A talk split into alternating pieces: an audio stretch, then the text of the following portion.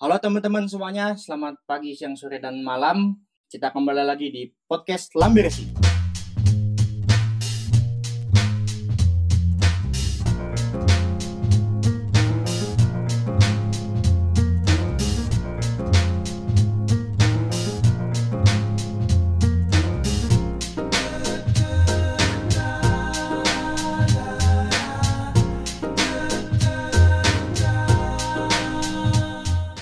Kita kembali di episode nomor 65. Kali ini kita akan membahas something-something di Mediterania. Tapi sebelum itu kita ke Amerika dulu yang balapannya sebenarnya diwarnai dan memori yang bikin nggak enak sebenarnya karena di NASCAR Cup Series kemarin kebetulan balapannya bertepatan dengan memperingati 20 tahun kejadian 9/11. Uh, rest in peace untuk para korban dan semoga keluarga yang ditinggalkan dapat diberikan ketabahan. Untuk NASCAR Cup sendiri kemarin sudah menjalani playoff ke balapan kedua dari 10 balapan dan hasilnya bisa gue bilang hasilnya nggak begitu balapannya sendiri nggak begitu rame karena ya harap maklum aja ini kan Richmond gitu track yang sebenarnya aksi untuk aksi sendiri nggak begitu banyak kemarin juga tercatat caution pun cuma ada dua. Kurt Busch di pertengahan stage 2 dan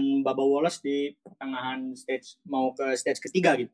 Untuk pemenangnya sendiri ada Martin Truex dari Joe Gibbs memperpanjang tren positif dari Joe Gibbs sendiri. Yang kemarin yang minggu lalu di Southern 500 ternyata yang menang juga Joe Gibbs gitu Denny Hamlin. Dan kemudian Denny Hamlin sendiri di sini juga cukup dominasi dengan memenangkan dua stage tapi sayangnya hasil berkata lain gitu. Joe Gibbs akhirnya ya, akhirnya Martin Truex lah yang menang. Dan untuk siapa saja yang sudah lolos ke playoff sendiri itu ada tiga.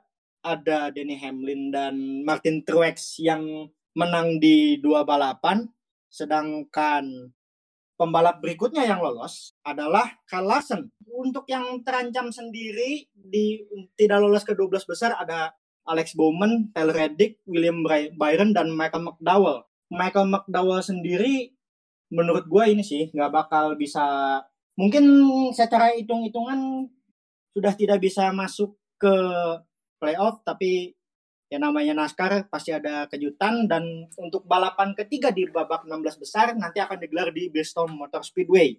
Kita beralih sedikit ke Portland di mana ada IndyCar yang akan menjalankan tiga balapan terakhirnya dan ini adalah balapan yang pertama. Alex Palou dari Chip Ganassi berhasil memenangkan balapan yang sebenarnya cukup chaotic kalau bisa dibilang. Di turn 1 dan lap 1 ada beberapa pembalap yang keluar. Salah satunya James Hinchcliffe. Kemudian ya balapan berlangsung begitu ya lap ada 110 lap dan kita lihat di sini debutan kita Callum Islet gagal finish karena mengalami masalah di lap ke-77. Posisi top 10-nya sendiri ada Alex Palou, Alexander Rossi, Scott Dixon, Jack Harvey, Joseph Newgarden, Felix Rosenquist, Marcus Ericsson, Colton Herta, Scott McLaughlin, dan Graham Rahal. Ya untuk apa namanya untuk debutan debutan tiga debutan kita yang sering kita omongin, posisi tertinggi dipegang oleh Scott McLaughlin dari posisi 9. Kemudian Roman Grosjean harus puas berada di posisi 22 dan sedangkan juara NASCAR Cup Series tujuh kali kita tercinta Jimmy Johnson harus berada di posisi ke-20.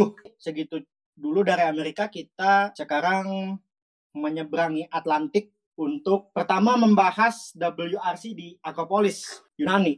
Untuk kedua kalinya musim ini, Calero Pera berhasil menduduki posisi pertama dengan Toyotanya setelah sebelumnya ada di Estonia yang membuat dia menjadi juara seri WRC termuda. Kemudian posisi duanya ada Oit Tanak dan Sebastian Ogier di posisi ketiga. Rally Acropolis ini kalau menurut gue bisa jadi turning point dari Toyota untuk mengunci gelar di tiga seri tersisa yaitu Finlandia, Spanyol, dan Monza. Oh ya, gue juga mau ngasih update sedikit kalau rally Jepang akhirnya digantikan lagi dengan rally Monza. Berhubung situasi di Jepang saat ini belum begitu aman. Setelah kita bersantai-santai di Yunani, kita akan sedikit membahas secara serius dua balapan yang mungkin bisa dibilang dua-duanya rame di antara dua negara ini yang terpisahkan oleh Laut Mediterania. Yang pertama, kita akan ngebahas MotoGP di Motorland Aragon. Ada duel yang cukup menarik untuk perebutan posisi pertama. Ducati versus Honda, Mark Marquez versus Francesco Bagnaia. Opininya gimana saudara-saudara untuk GP Aragon kali ini?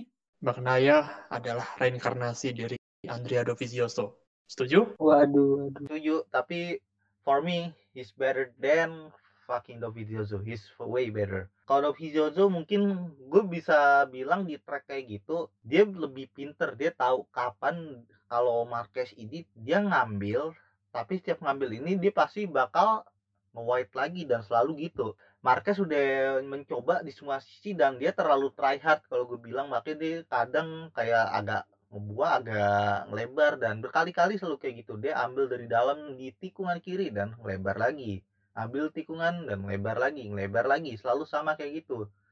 Terutama di tikungan keempat kalau gak salah selalu di situ Marquez di sektor pertama dia unggul dan keunggulan Honda dibanding Ducati di situ. Dan Bagnaia pun melakukan hal yang sama. Gue selalu jujur aja sama dia.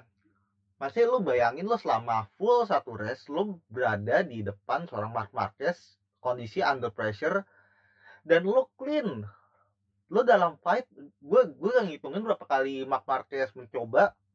Total percobaannya berapa kali dan mungkin hanya satu kali yang berhasil itu pun ujung-ujungnya dibalikin lagi. Marquez mungkin dia punya skill yang jauh lebih bagus tapi untuk balapan kemarin so sorry. Baknya ya tampil penampilan dia jauh lebih baik karena dia jauh lebih pintar dibandingkan Marquez. Hmm. dia menangkan battle bukan dengan cara kayak dia talented no. Dia yang dari motor yang tercepat no dia menangkan battle kemarin dengan in the smart in, in the smart way. Menangkan dengan cara kalau nunjukin kalau dia ini pinter. Dan tentu saja komposernya berada di bawah tekanan dari Mark Marquez. Atau dipuji. Jadi secara secara gak langsung tadi kita bilang kalau Bagnaia itu gak gampang crack under pressure gitu ya. Meskipun Marquez attack-nya gila-gilaan tapi dia berhasil defend dengan sangat baik Bukankah begitu? Sebenarnya bukan defend juga, tapi dia udah tahu kalau dia nggak perlu defend you, defend yang terlalu ketat, nggak perlu defend yang dibikin sehard mungkin. Karena tiap si Marquez ngambil, dia pasti ngelebar lagi. Dia tinggal manfaatin kesempatan itu dan dia ngelakuin hal yang sama berkali-kali secara konsisten. Dia tetap stay on racing lane juga. Hmm, oke, okay. nice, nice point of view. Gua sebelumnya pengen ini dulu, sebelum beralih ke bahasan berikutnya top 10 dari race kemarin.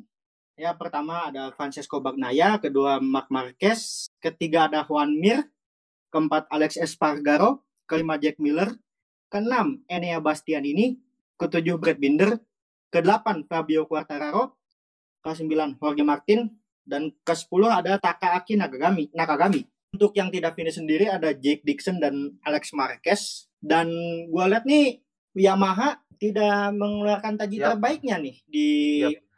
tidak uh, mengeluarkan taji terbaiknya di Aragon. Masih Aragon kan emang penyakit sih. Aragon Aragon ini emang tempatnya Yamaha biasanya agak kendor di sini udah bertahun-tahun sejak sejak era yang masa diganti ECU jadi Magneti Marelli Yamaha punya kelemahan di sini dan seperti biasa ujung-ujungnya kelemahannya masalah grip ban belakang lagi makanya bisa dilihat dari Kak lo yang mundur lalu juga Rossi yang finish terakhir kalau gak salah lalu juga Fabio Quartararo kemarin performanya juga biasa aja tembus top 10 nya kelihatannya udah alhamdulillah soalnya kelihatannya kayak mundur teratur gitu kalah sama hmm. ini kalah sama Bastian ini nah, sama Lecona juga kalah sama Lecona makanya uh, iya. rookie aja bersaing sama championship nah. leader hmm. itu yang iya. jadi yang menarik kalau gue lihat kemarin itu oh iya tadi sedikit koreksi Rossi itu ternyata tidak terakhir tapi kedua dari terakhir ya tapi anggap aja lah terakhir soalnya di posisi paling terakhir itu ada Luka Marini kemudian dari bahasan ini kita sedikit membahas ada yang debut nih sebenarnya bukan debut sih jadi kayak apa ya ya baru ditransfer langsung main lah gitu istilahnya Dia balik. Comeback ya. Comeback. Iya, Maverick dibalik, Vinales. dibalik di comeback Gimana nih? dengan Aprilia. Kesannya? Uh, Vinales kalau kita li kalau kita lihat oke lah ini hanya first impression dan dia ini pindah ke motor dengan ciri khas yang berbeda dengan tipikal mesin yang berbeda lalu juga dengan setup yang berbeda karena ini motor juga benar-benar fully di develop dan Mhm. emang buat Alex Espargaro so far. Jadi dia masih harus adaptasi lagi jangan berekspektasi lebih lah. Intinya gitu aja. Berarti untuk ya comeback dengan posisi ketiga dari terakhir tuh ya bisa dibilang harap maklum karena motornya untuk Espargaro kan gitu kan. iya Bisa sih bisa gitu. iya harap maklum juga dan dan juga si Vinales ini emang kalau race belakangan formanya gak terlalu bagus banget agak inconsistent jadi tunggu waktu aja jangan jangan kita judge di awal jangan kita judge di awal Hmm. Oke, oke, point of view menarik. Katanya sih ini masalah rem ya. Jadi eh, kalau gue dengar-dengar dari Mbak Lucy, motor Aprilia itu pakainya rem belakangnya itu di kiri. Nah, finalis itu kayak belum biasa. Udah selain selain belum biasa itu eh, settingannya juga emang ya bener kayak kata kerja settingannya beda. Finalis tuh tiap ngerem tuh kecepatan terus. Jadi kayak hampir tiap race tuh hampir dalam satu race tuh dia kecepatan terus. Jadi kayak masih belum pas lah.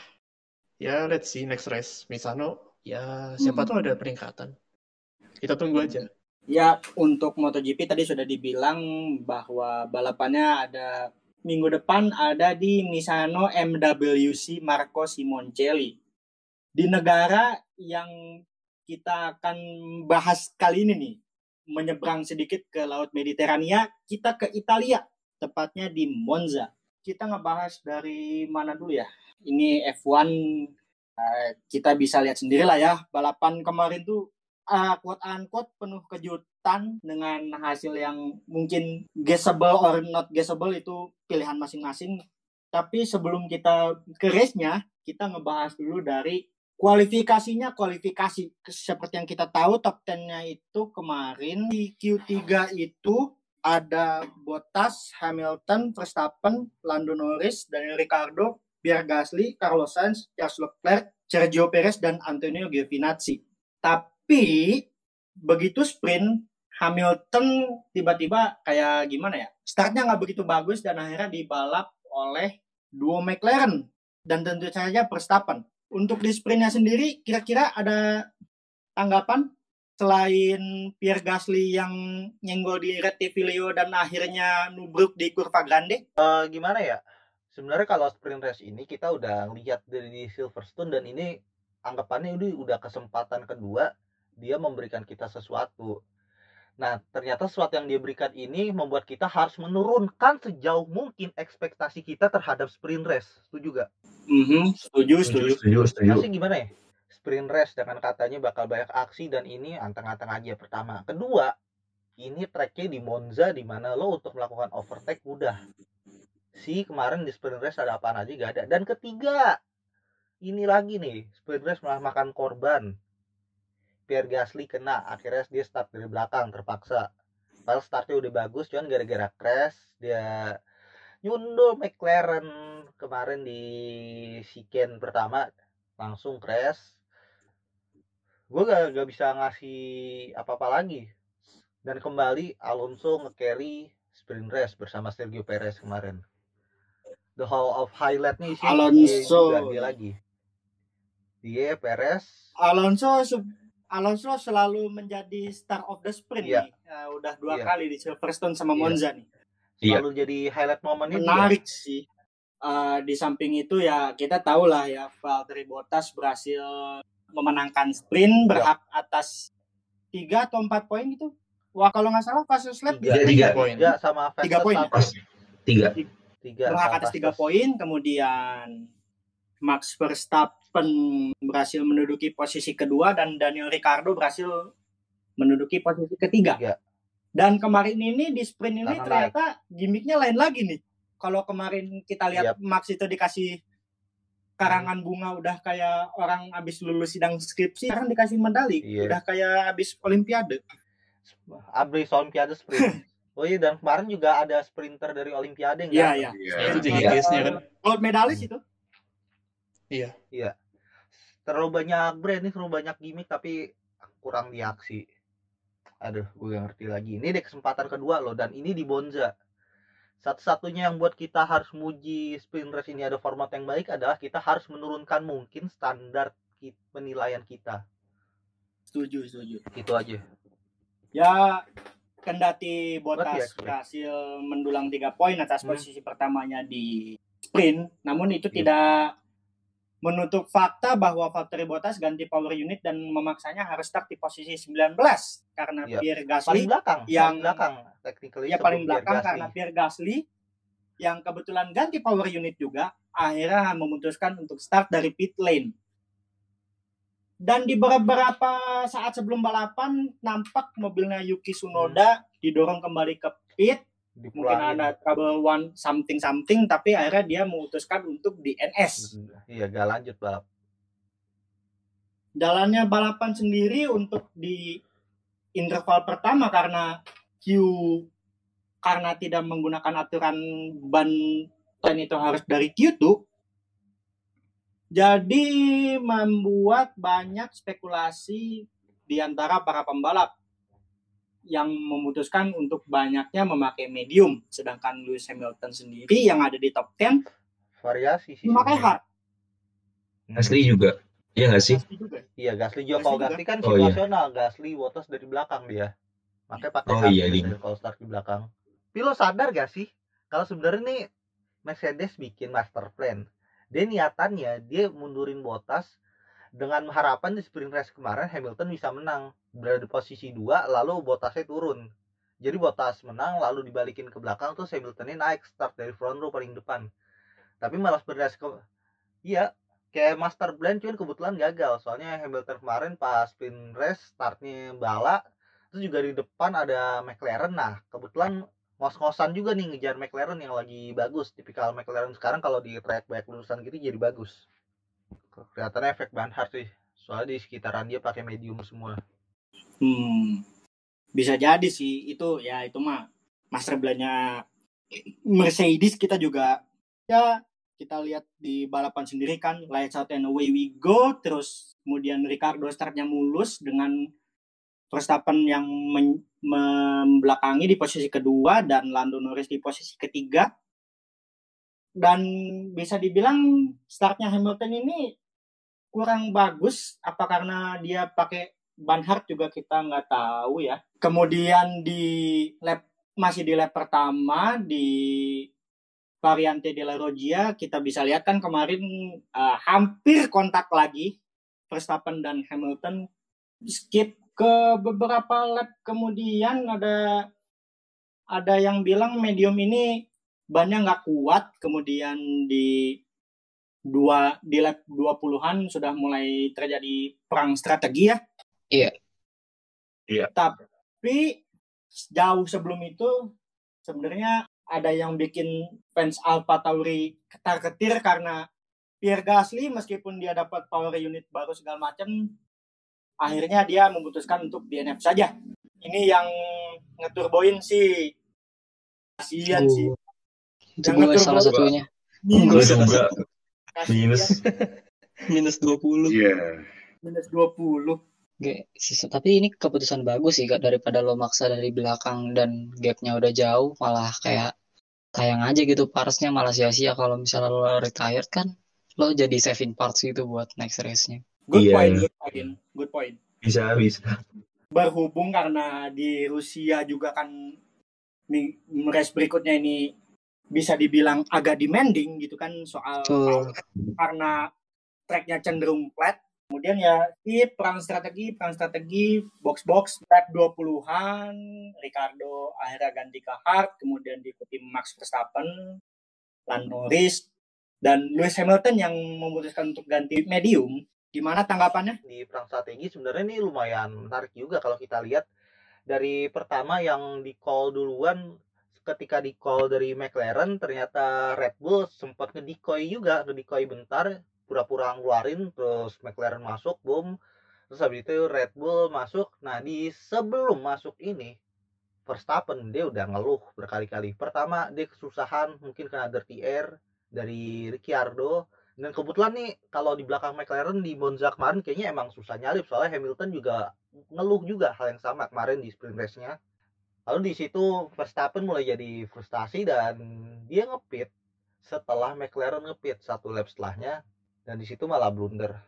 Red Bull melakukan blunder tuben-tubennya ban depan kanan lap pit, dia pitnya lemot banget slow pit dan dia masuk lalu untuk di tim lainnya kalau kita lihat ada Red Bull juga yang kecuali Verstappen dia tekniknya juga is okay tapi di di sisi lain ada Mercedes yang dia pakai hard di awal dengan harapan dia bisa di akhir race ini di bagian akhir di second half dia bisa langsung gaspol di mana yang lain pakai hard pakai medium. Bottas juga gaining juga dan sama juga kayak gitu. Bisa dibilang ya karena human error inilah Max Verstappen yang niatnya overcut malah jadi kena undercut gitu. Kemudian yang dari yang dibilang juga hmm, baik Mercedes maupun Red Bull juga sebenarnya untuk Hamilton dan Verstappen sendiri stopnya dibilang eh, bisa dibilang slow banget sih. Kemarin gue lihat tuh Hamilton tuh stopnya 4,2 detik sampai dia jalan lagi, sedangkan Verstappen lebih dari itu ya. Iya, 11 11 detik. detik. 11 iya sekitar 11 detik si Verstappen kemarin. 11 slow detik pit. itu karena karena ini juga kan implementasi aturan baru yang mengharuskan ada sensor yang menyatakan bahwa sudah kagak kagak. Kan? Kagak bukan masalah itu juga emang slow pit dari kru pitnya. Emang karena Atur- human error aja berarti. Iya, human human, error. human error. aturan yang masalah sensor itu masih di kontra belum fix jalan. Horner juga ngaku sih kalau kemarin kesalahan pit itu dia bilang emang karena human error itu kan. Iya. Ya kemudian tadi lanjut ke Hamilton yang slow stop 4,2 detik, kemudian dia pit out saat by set dengan Verstappen, masuk ke tikungan kanan Retivilio, eh, Hamilton sedikit ke kiri dan menyebabkan Max harus lebih ke kiri lagi, menyundul sausage curb dan akhirnya menyebabkan ban belakangnya Verstappen harus naik ke mobil Hamilton dan menyebabkan keduanya di NF. Tadi seperti yang udah dibilang juga, Philip Horton bilang kalau Max Verstappen dan Lewis Hamilton ini selalu colliding di balapan yang ada sprintnya. Kemudian kalau misalkan kita tarik lagi mundur ke belakang, kejadian serupa dialami oleh Michael Schumacher dan Damon Hill ketika dua-duanya colliding di sirkuit yang sama, yaitu Silverstone dan Monza pada tahun 1995. Ini salah siapa, ini dosa siapa? kalau kemarin salah-salahan gue ngeliatnya ini lebih ke 50-50 Gua gua Kalau ngeliat 50-50 sih, cuman 50-50. gimana ya? Agak susah sih kalau ini. Tapi gue tetap 50-50. pasti 50-50 semua semuanya 50-50 tapi ada kayak alasan yang muatkan 50-50-nya Follower Lampe juga pada mayoritas setuju kalau itu eh, racing incident 50-50. Ah, beda Hmm. sih racing incident sama dua-dua salah racing incident memang ada yang salah ini dua-duanya salah ini kalau Dua-dua menurut salah sih ya. Lebih ke dua-duanya salah. incident kan situasi kan Hmm. situasi sebenarnya masuk dua-duanya maksudnya kan situasional kayak gitu racing incident di kala yang satu lagi di Van Hart satunya juga agak punya room gak punya have uh, space enough lalu juga dua-duanya salah karena mungkin at least bisa melakukan something should do better they should do better itu yang bikin kenapa bisa dijadikan 50-50 dan juga racing incident juga Oke. Kemudian ya yang seperti kita tahu juga akibat dari kejadian ini Max diganjar 3 grid penalti diimplementasikan di Rusia. Iya, lo coba amatin lagi nih bagian Max Verstappen tim radio dia dari awal-awal dia mulai ngeluh berada di belakang Ricciardo yang mulai kesulitan buat overtake sampai sebelum pit. Lo pasti udah kayak ngerasa nih orang udah frustasi. He's crack under pressure. Dan ini mungkin adalah ujian kedua bagi seorang Verstappen dan ini ujian mental bagi dia juga dalam title fight karena di sini diuji composure dia seberapa kuat dia tahan dalam tekanan kayak gini dan seberapa bisa dia mengendalikan situasi dalam skenario kayak gini skenario dikerjain Tuhan dan kebetulan kemarin dia lagi diker- dikerjain Tuhan Gue setuju Nah, sih ya. sama uh, statement itu. Ya, Iya. Hmm. intinya sekali lagi ini tadi seperti yang dibilang bisa jadi ujian buat Max karena ya juara dunia tuh nggak gampang gitu. Ya harus Pressure-nya ngelewatin ujian-ujian kayak gini dulu, dikerjain di pit lah, kadang colliding dengan kejadian-kejadian Hmm. tidak terduga lah segala macam. Dan yang kemarin ini kalau kita lihat lagi ya, sorry motong lagi, kalau kita lihat lagi bahkan setelah pit pun dia udah ngeluh sebelum kejadian, tepat sebelum kejadian dia sama si Hamilton dia kelihatannya mulai ngeluh pas tahu di depannya ini ada Lando Norris. Dia ada yang ngeluh di situ. And then kejadian the D-Day. Pas kejadian pun mungkin lo bisa ngeliat kalau Verstappen pas di Shiken dimasuk ke tikungan keduanya dia agak ngepush dikit karena itu kelihatannya dia desperate. Dia harus ngepush sebisa mungkin soalnya kalau enggak dia mau gak mau bakal berakhir finish di belakangnya Hamilton kalau dia keambil sama Hamilton. Gue juga ngelihat Verstappen kemarin tuh not in his best form sih. Jujur-jujuran aja soalnya Iya, sama. dia pertama dia banyak geluh kemudian ya kalau bisa dibilang ini juga karena Red Bull mobilnya high rate jadi gimana ya wing belakangnya harus lebih tipis ketimbang kompetitor lainnya dan ya tadi dia juga harus dealing dengan berbagai skenario yang mungkin dia tidak pernah alami sebelumnya atau mungkin sudah pernah tapi dia kebetulan nggak bisa dealing dengan ini aja. Karena dalam situasi sebagai title contender lalu juga di awal pun dia startnya juga dari posisi pertama dia kendor turun di belakangnya Ricciardo dia ketahan lama. Untuk seukuran Verstappen mungkin lo memahami seberapa frustasi di belakang dia. Dia udah ngeluh masalah ban udah ngeluh dia masalah bagian belakang udah ngeluh juga sebelum pit lalu kesusahan ngejar dia frustasi ngejar seorang Ricciardo pun dia udah mengeluhkan hal itu. Dari dari semua semua keluhan dia seberapa frustasi dia digabungin jadi satu and then he crack under pressure. Makanya abis kejadian kayak gitu dia langsung kayak ah anjing langsung cabut deh gak ngeliat Hamilton apa gimana pokoknya dia langsung cabut keluar dari mobil abis kejadian collision. Aha, setuju, setuju. Kemarin juga ini ya, ternyata selain ada kejadian Verstappen gitu, kita juga ngelihat ada beberapa penalti 5 second yang dikeluarkan karena bisa track limit, causing collision. Kemarin kalau bisa dilihat yang kena penalti 5 detik itu ada Perez yang kebetulan terlihat motong di Rettivilio dan De La Roggia, terus ada Esteban Ocon yang causing collision juga di De La Roggia bersama Vettel ya kemarin ya? Iya. Sama Vettel, terus kemudian Mazepin juga di De La Roggia nyundul Mick dan akhirnya dia juga harus di NF karena something something broke. Untung berhentinya di untung berhentinya di exit Ascari gitu. Jadi cuma modal virtual safety car aja. Kemudian keep through ya kita bisa lihat juga dari Bottas yang start paling belakang kemudian melakukan aksi heroik last to bla bla bla challenge. Last to first challenge kayak dia. Dia last to first challenge tapi malah dia ketahan sama Perez sayangnya. Ketahan sama Perez. Beruntungnya Valtteri Bottas Perez itu kena 5 second dan 5 secondnya itu ditambahkan ke hasil balap. Makanya setelah finish Perez itu langsung di mode ke posisi kelima sedangkan Valtteri Bottas berhasil menduduki podium dan Charles Leclerc berhasil menduduki posisi keempat. Jadi sebelum kita ngebahas duo McLaren yang satu dua ini, gue pengen nyebutin dulu top 10-nya yaitu Daniel Ricciardo, Lando Norris, Valtteri Bottas, Charles Leclerc, Sergio Perez, Carlos Sainz, Lance Stroll, Fernando Alonso, George Russell, dan Esteban Ocon. Ini hampir-hampir nih Williams double point lagi nih kalau ngomong-ngomong. Kita kan terlalu asik dengan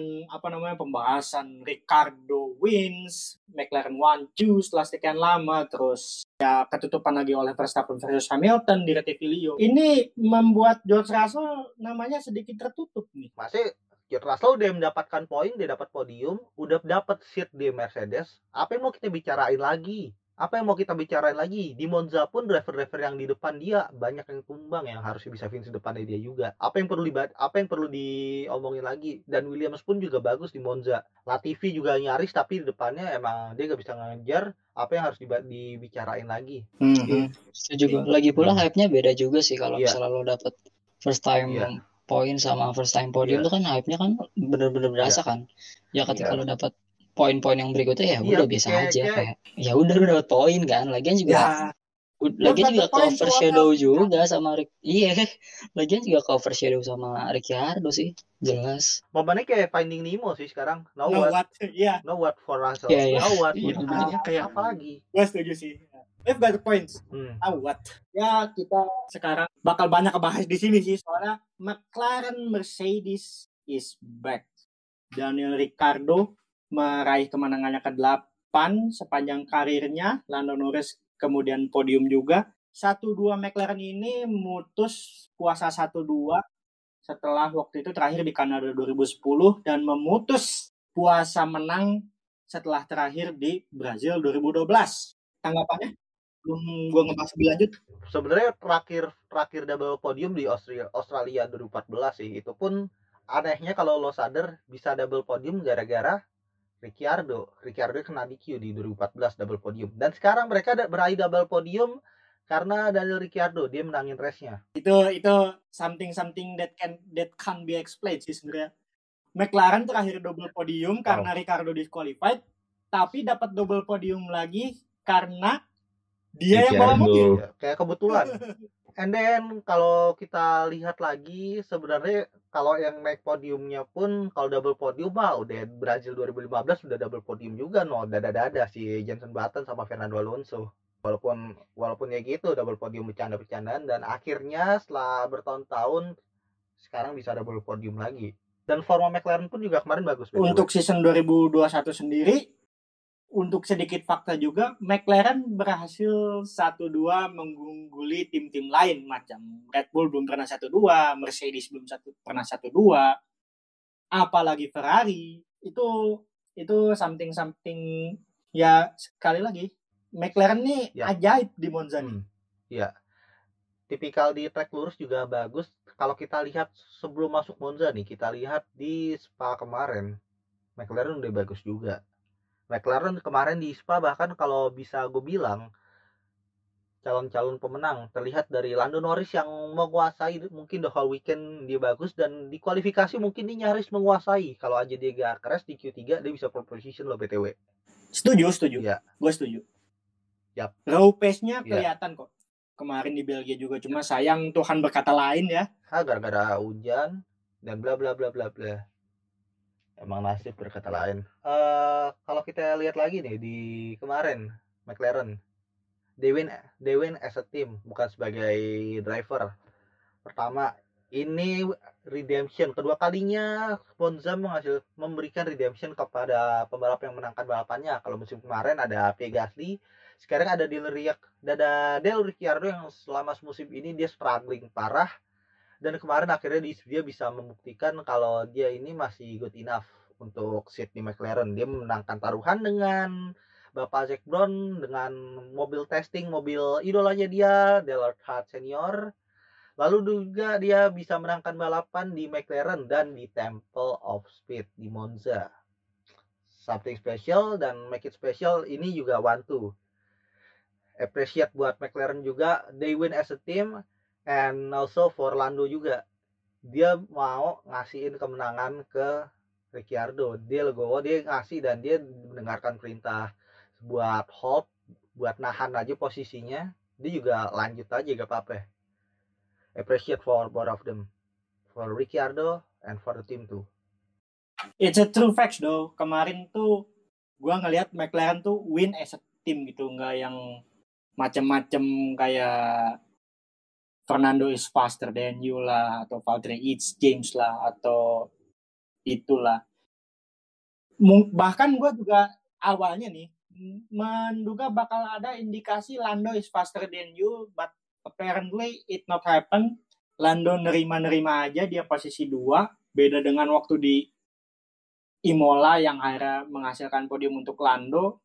Lando is faster than you, tapi sekarang dia nurut sama timnya dan memainkan role role tim playernya dengan baik. Ada tanggapan lain? Iya. Sebenarnya ini sebenarnya kalau ini nih kalau dilihat lagi ya, kalau di situasi Imola kan beda soalnya Ricciardo slower dan ya. si Norris ini lebih Oke. menguasai situasi, makanya terbukti bisa podium. Kalau enggak bakal ketahan lama. Kalau kemarin kalau kemarin ini kan beda. Berdua equal tapi situasinya kalau in my perspective ini kayaknya sengaja dikasih McLaren soalnya tahu nggak ada kesempatan lagi buat pembuktian Ricciardo. Kita udah ngebayar mahal dia, at least berikan dia sesuatu juga daripada kita yang rugi juga. Kalau Lando Norris menang, lalu buat apa kita bayar mahal ke Del Ricciardo juga? Kita harus kayak kayak saling ngebuktiin gitu dan ini udah kesempatan bagi Ricciardo ini kesempatan terbaiknya jangan disia-siakan lalu ketika melihat Lewis Hamilton yang udah kayak gitu sama Max Verstappen lalu Sergio Perez sama Bottas yang kelihatannya nggak kuat kejar lagi okay, this is this is the moment. We can we can win this fight we can win this race as a team. Dan mereka melakukannya. Masuk akal, masuk akal. Ricciardo menangkan balapan tapi McLaren juga fully nge-support Ricciardo buat memenangkan balap. Karena McLaren pun juga tahu kalau mereka menangkan balapan mereka gak sekedar memenangkan balapan demi championship demi tim juga tapi dia juga menangkan balap demi Ricciardo yang sedang struggling di musim ini. Setuju, setuju. Ya tadi sih bisa dibilang uh, Ricardo, Mas Ricardo emang harusnya bisa menang, quote unquote, karena ya tadi bisa dibilang McLaren bayar dia untuk men, men, selain meningkatkan performa juga untuk gelar pastinya. Meskipun bukan dalam artian gelar juara dunia atau konstruktor ya seenggaknya menang Ya. menang-menangan dulu lah. Kita juga bisa ngelihat kan gimana McLaren saat memutuskan untuk ganti mesin Honda kemudian ribut-ribut dan akhirnya nirprestasi bahkan kemudian perlahan-lahan naik dengan datangnya mesin Renault dengan manajemen yang membaik datangnya Zack Brown, Andreas Seidel, kemudian perginya Ron Dennis segala macam. Menurut kalian nih, kemenangan McLaren di Monza ini bisa jadi redemption nggak buat mereka setelah apa yang terjadi di beberapa musim ke belakang? Eh, kayaknya Oh, masih jauh deh. Masih jauh kayaknya. Kenapa tuh? Karena kayak ini kayak baru permulaan gitu nggak sih? Masih masih ada musim-musim depannya. Iya, gue gue setuju gue sih. Maksudnya eh, terlalu terlalu cepat sih kalau misalnya mau dibilang redemption. Masih banyak musim-musim ke depannya yang harus bisa dibuktikan. Nggak cuma satu race doang. Gue setuju sih sama perspektif ini. Terlebih kan 2022 fisik mobilnya juga berubah gitu kan dengan perubahan regulasi segala macam. Meskipun mesin mesinnya sendiri kan masih V6 turbo hybrid kan. Pasti kita juga bakal lihat orang tim-tim ini bakal return to zero lagi kalau bisa dibilang karena regulasinya secara baru gitu. Majority baru ya. Nggak nggak zero zero banget sih. Iya, return to zero but not fully zero. Return to zero but not fully zero. Soalnya mereka mempunyai tambahan Bener. waktu. Mas, mereka punya tambahan waktu satu tahun untuk ngedevelop Hmm, karena diperpanjang. Masih ada tambahan waktu lagi buat ngedevelop sasis segala macam. Oh iya kalau ngomongin masalah redemption nih, kayaknya redemption buat ini enggak. Soalnya yang di yang bener-bener dibutuhkan McLaren ini mereka bukan cuma sekedar menang balapan, tapi kembali ke track persaingan juara dunia. Itu yang harus dilakukan McLaren untuk membuktikan kalau mereka ini sudah redemption. Satu dua di Monza, hasil Verstappen sama Hamilton lagi bukan weekendnya juga, bukan pembuktian yang good, tapi ini momen place yang tepat, posisi yang tepat, oke, gue setuju. Dan kalau kita lihat lagi nih, dulu masalah McLaren Honda dikerjain sama Honda dengan hype sebesar itu dengan gimmick-gimmick nostalgia emang efeknya parah sih kalau udah jatuhnya nostalgia kayak gitu. Berakhir jadi ampas banget pindah ke Renault gak bisa gak bisa lebih kompetitif lagi ya they good but not good enough untuk ukuran McLaren dan akhirnya kali ini berhasil dengan Mercedes. Face off untuk perubahan mesin mereka dari perpindahan dari Renault ke, ke Mercedes. Dan gue setuju juga dengan apa yang dibilang Ferdi masih ada beberapa tahun lagi tonton ke depan terutama untuk regulasi baru lalalala untuk prospek ke depannya kayak gimana apalagi kan mereka punya Del Ricciardo dan Lando Norris yang udah fix banget udah siap menjadi icon F1 nggak sekedar pemenang balap nggak sekedar untuk World Championship tapi dia udah siap jadi icon F1 so kita tunggu aja untuk McLaren this is just the beginning Ya gue setuju sih bener.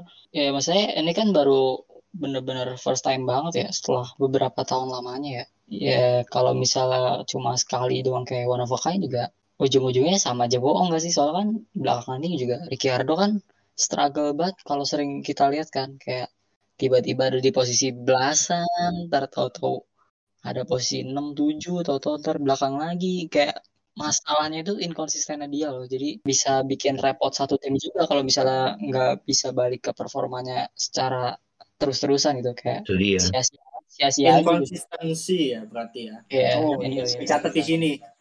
Inkonsistensinya Ricardo ini eh, sedikit banyak emang harus dirubah karena ya Iya. pengaruh Karena ada faktor faktor mobil kan kalau nggak salah kan Richie kan masih dia ngaku mobilnya belum pas sama dia gitu kan. Iya emang agak Iya. landing dan Nah, agak itu tipikalnya. Iya, tapi juga si Ricciardo ini walaupun tipikal tapi ini dibayar mahal loh. McLaren gamble banyak untuk Iya. dia. Hanya Masa itu pertama, Eh, menurut gua gini, kalau misalkan Ricciardo, eh, oke alasannya mobil gak apa-apa karena masih. mu- Nah, masalahnya musim depan regulasi baru kan bakal harus ini lagi kan, adaptasi lagi kan. Mau sampai kapan? nah itu dia. Nah, itu. Ya, keulang. Musim ini keulang lagi buat Ricciardo. iya mau pakai alasan adaptasi pun mau sampai kapan lo pakai alasan yang sama. Selama musim full semua tim resource tim semuanya ngasih data ke dia. Lando pun udah ngasih gimana caranya biar lo fit in sama mobilnya tapi oke as a team mereka udah fit in dia ngasih segala macam tapi as a person Lando dia ngakui kalau Ricciardo bukan teammate terbaiknya dia. Not the worst maybe tapi udah dipastikan bukan teammate terbaiknya dia. Hmm, menarik, menarik. Ya gimana ya? Nah, all in all untuk Monza kali ini gue cuma bisa bilang selamat untuk McLaren atas prestasinya. Gue angkat jempol untuk kalian dan sedikit kita sedikit membahas bursa transfer kali ini ya. Bursa transfer kemarin sudah dibilang Albon ke Williams sudah fix, kemudian kemarin Callum Aylett juga sudah fix membalap di tiga sisa balapan IndyCar kemarin. Satu ada buat satu clause yang menarik nih. Albon nggak boleh bocorin apa-apa soal power unit Mercedes. Menurut Wajar sih. Wajar sih. Wajar, wajar, Wajar wajar. Ya karena udah pengalaman juga kan dari 2000-an lah kayak Spygate atau apa lagi lah. Setiap ada yang transfer, setiap ada kru yang transfer, jadi nggak harus pembalap. Ya itu Aha. bisa aja, pasti kan ada data-data yang bilangnya sih nggak, bilangnya nggak, oh gue nggak bocorin kok. Tapi lu kalau misalnya ngasih dikit aja, lu cuma ngasih dikit aja itu tetap aja terhitung ngasih. Dan itu kan kayak efeknya bisa ngaruh banget. Yap. Makanya nih Iya. pas Albon sekarang ini tuh kayak bener-bener Wajar. ada perjanjian kerja lah. Ya sama aja Wajar, kayak gitu kalau di tempat kerja sih. tuh lo kalau misal pindah dari kantor A ke kantor B lo juga nggak boleh kan ngasih informasi apalagi kalau lo pindahnya Oh. ke perusahaan persaingan eh sorry perusahaan pesaing nah itu tuh udah kayak Iya. oke Iya. Masa Yes. development mesin makanya segala itu macam. kayak Ya rahasia dapur. confidential ya itu Kompetitor, perusahaan kompetitor. Jatuhnya ke ranah profesional kerjaan, ranah profesional.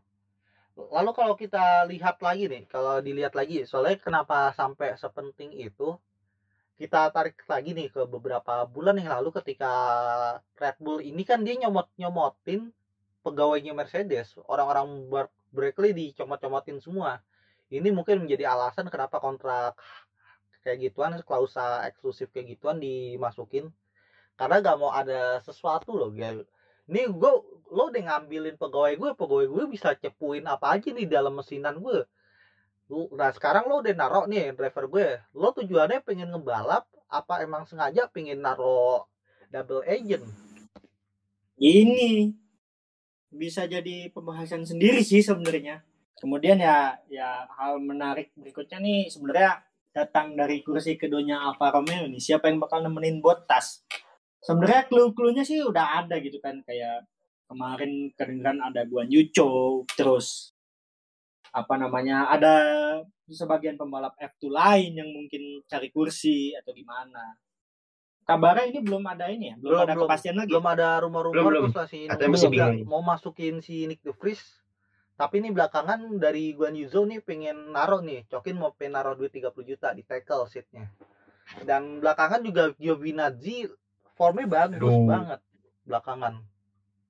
Formnya bagus banget, tiba-tiba kesurupan Rekonen. Giovinazzi iya sih sejak pengumuman Bottas pindah ke Alfa tuh seolah-olah dia tuh tiba-tiba on his form aja gitu kayak Tiba-tiba gacor. tiba-tiba gacor soalnya kan kemarin di Zandvoort Q3 terus kemudian di sprint juga dia posisi top 10 meskipun akhirnya dia mundur pelan-pelan ya mohon maaf tapi seenggaknya untuk untuk seorang Giovinazzi yang bisa dibilang driver San Mori itu nggak bisa dibilang form yang biasa loh. What? What? Lo bilang San Mori. Hadir. Lo bilang San Mori. Tolong lo lihat dia selama dua musim terakhir dia dari start kayak gimana sebelum bilang San Mori.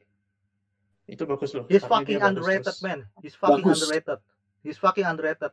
Kalau bilang San Mori gue masih bisa bilang lebih San Mori and Russell dibanding dia. Iya, Yes. Oke. setuju Iya sih. buat gue. Ya, setuju. Oke. Kalau kalau Russell kayaknya karena mobilnya nggak sih? Tapi kan Eh, Enggak juga menurut gua. mobil dan karena ya gitulah masih angin-anginan. ya gitulah angin-anginan sih belum jelas juga. Ah, kalau masalah mobil lo lihat aja Alfa Romeo pak. Alfa Romeo sekarang tuh ya gitulah. Tipikal Ferrari ya gimana ya? Tipikal tim private Iya sih, Ferrari gitu. Lo lihatnya khas ampas kayak gitu apalagi Alfa Romeo. Gak, be- gak bakal beda jauh. Soalnya tim-tim kayak gitu kan dipastikan pakai Iya, iya. bekasannya Ferrari musim kemarin ya. Honestly Ferrari speaking sih ya gitu, bisa Pak. jadi pengaruh juga kan karena banyaknya tim A tim B yang sekarang ada di F1 gini kan. Tapi honestly speaking, gue merasa kalau Giovinazzi masih bisa bertahan di F1 sih, gue bilang masih masih cukup possible gitu. Apa pun yang Masih, terjadi. Masih. masih ada chance, masih, Masih. ada chance. ya cukup possible walaupun chance-nya kecil sih. Iya. Ada chance tapi kecil Iya, iya setuju kecil. Sekarang lagi dengan- ketar-ketir. Berarti gedean mana nih, Zo atau Giovinazzi nih sekarang perkiraan? Hmm, Belum bisa ketebak sih menurut gua. belum Belum, bisa tahu. tebak. susah Atau sih. Tahu-tahu The Belum aja bisa gitu kan. ketebak. Susah, masanya Zo bawa duit. Iya, Dia bawa duit 30 juta, dia bawa dia Nah, bawa itu hype, dia. dia bawa media juga dan dia Iya. bawa gimmick branding driver muda. Sekarang lagi zaman-zamannya kayak gitu. Susah. Dan gue berharap semoga gimmick-gimmick gimmick-gimmick region-region muda the future is now gak bakal berakhir kayak bola pas era 2010-an awal. Gue berharap gak kayak gitu. Sama ini, sama ini. Kita gak ada yang bener yang beras yang Gimana? berhasil gak, gak ada hitungan jari malah. Sama ini sebenarnya gue bingung kenapa Oscar Piastri nggak tidak terdengar kab kabarnya di bursa transfer kali ini. Apakah emang kualitas pembalap didikan Alpine yang sebegitunya atau gimana? Aduh, kalau Piastri sih kalau gue bilang ya he's fast enough but for Formula One he's not good enough sama kayak Porsche. Fast enough but not good enough untuk F1. Lo lihatnya dia bagus, oke bagus, tapi lo lihat lagi timnya yang satu Prema, satunya Art. ART kayak gimana di Formula Formula 2 kita udah tahu tipikalnya kayak gimana. Prema juga jantannya itu tim terbaik di Formula 2. So, kalau kita berharap bakal sejauh kayak gimana nih emang kebantu tim juga sebenarnya they should better dan pertama umur kedua mungkin belum mateng terutama kan Piastri dia baru nih. Dia baru tapi dia juga not as special as Charles Leclerc. Taruhan sama gue. He's not as special as Charles Leclerc. Nggak mendominasi gitu loh. Beda sama Leclerc dulu. Beda, beda. ya dan yang terakhir nih. Walaupun gue udah lost interest sama ajang-ajang feeder gara-gara formatnya sekarang jadi tiga race seminggu gue jadi ah bodo amat gue gak mau nonton gak jelas anjing walaupun kayak gitu. Lo lihat deh roster isi-isiannya drivernya apakah sebagus kayak dulu? Hmm. apakah sebagus zaman angkatannya masih ada si Paduka Sultan? Lo pikir lagi? Enggak enggak enggak sebagus dulu. Sekarang isinya cuma driver-driver oke good he's, he's got a lot of potential but he- all of them maybe not good enough for Formula One still near time masih butuh waktu lagi untuk mematangkan skillnya untuk bersaing di Formula One jangan kalau dia bagus terus tiba-tiba dinaikin Formula One mah ditai-taiin malah formnya turun bla bla bla bla padahal dia dulu punya Iya. potensi gue takutnya kayak gitu Masuk akal. Ada Hmm. Bisa. Kayak ada bisa. contohnya nih. Kayak ada contohnya nih. yang di. F1 sekarang. takutnya Masuk akal. Iya, Yuki Tsunoda, lo lihat. Yuki Tsunoda hype di awal. Sekarang kayak gimana? He's not good enough malah. Nah, itu dia kan. Gue berarti taruhan kalau dia gak ada Honda, gak ada Honda, gak ada deal antara Honda sama Red Bull, dia musim depan dia ditendang, dia balikin Noviat. Bisa dibilang begitu sih. Masih gimana ya? Ya kayak gitu. Terus juga satu-satunya harapan si Yuki Tsunoda musim ini adalah title Rookie of the Year karena udah dipastikan juga apa yang lo harapin dari Mick Schumacher sama Nikita Mazepin. Berarti bisa dibilang fieldnya F2 tuh sebenarnya kompetitif quote unquote tapi untuk bisa naik kelas mungkin belum saatnya gitu ya. Terutama yang kelihatan formnya kenceng kayak Hmm. formnya kenceng Iya. dari kelas ke kelas kayak Piastri kemarin atau Tsunoda Iya. yang kelihatan musim di ini. karbit Belum. karena Belum, belum, belum. persetujuan Honda dan segala macam Si terlalu cepat. masih terlalu cepat. Eh, sebenarnya gue ngomong ini bukan berarti gue orang yang Daniel, gue orang yang anti sama driver muda bukan. Lo bisa lihat Sevan FM gue isi pemain muda semua, gue bener-bener typical things untuk gimana caranya gue ngembangin orang-orang yang masih berpotensial, orang-orang kayak talent-talent muda. Gue pengen kayak gitu, cuman masalahnya ini, gue gak mau mereka rusak karena mereka soon untuk naik. Gue gak mau itu terjadi. Makanya gue ngomong gini, there's a reason why. Ya intinya inilah ya apa namanya Krida ini care sama pembalap-pembalap muda yang tidak ingin formnya dirusak hanya karena mobil yang kurang kompetitif whatsoever di kelas atasnya gitu ya. Nggak, kalau menurut gua kalau yang Piastri ini case-nya beda lagi sih. Dia kan Alpine Driver Academy ya.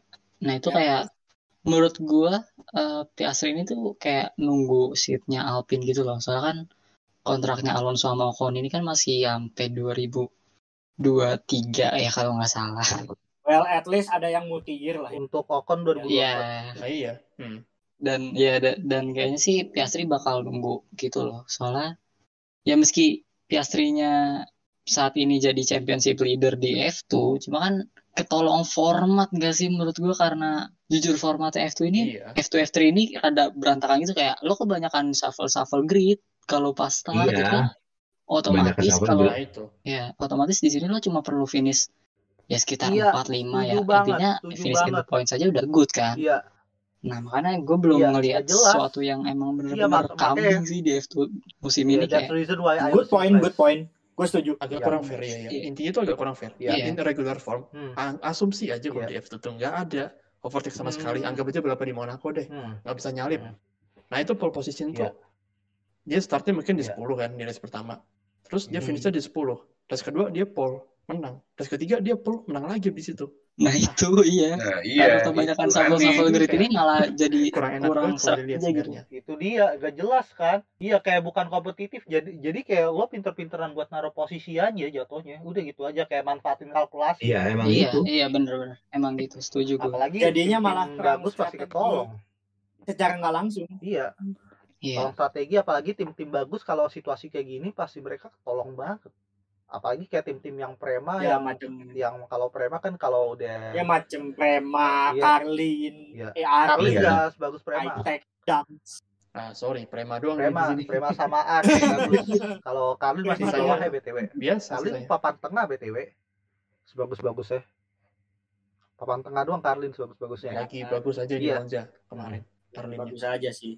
Mungkin untuk statement terakhir sebelum gua menutup episode 65 kali ini, warga-warga silakan. Nah, eh, intinya gini, intinya gini, Monza ini eh, tiga tahun ke belakang kan selalu memberikan sesuatu yang menarik lah ya.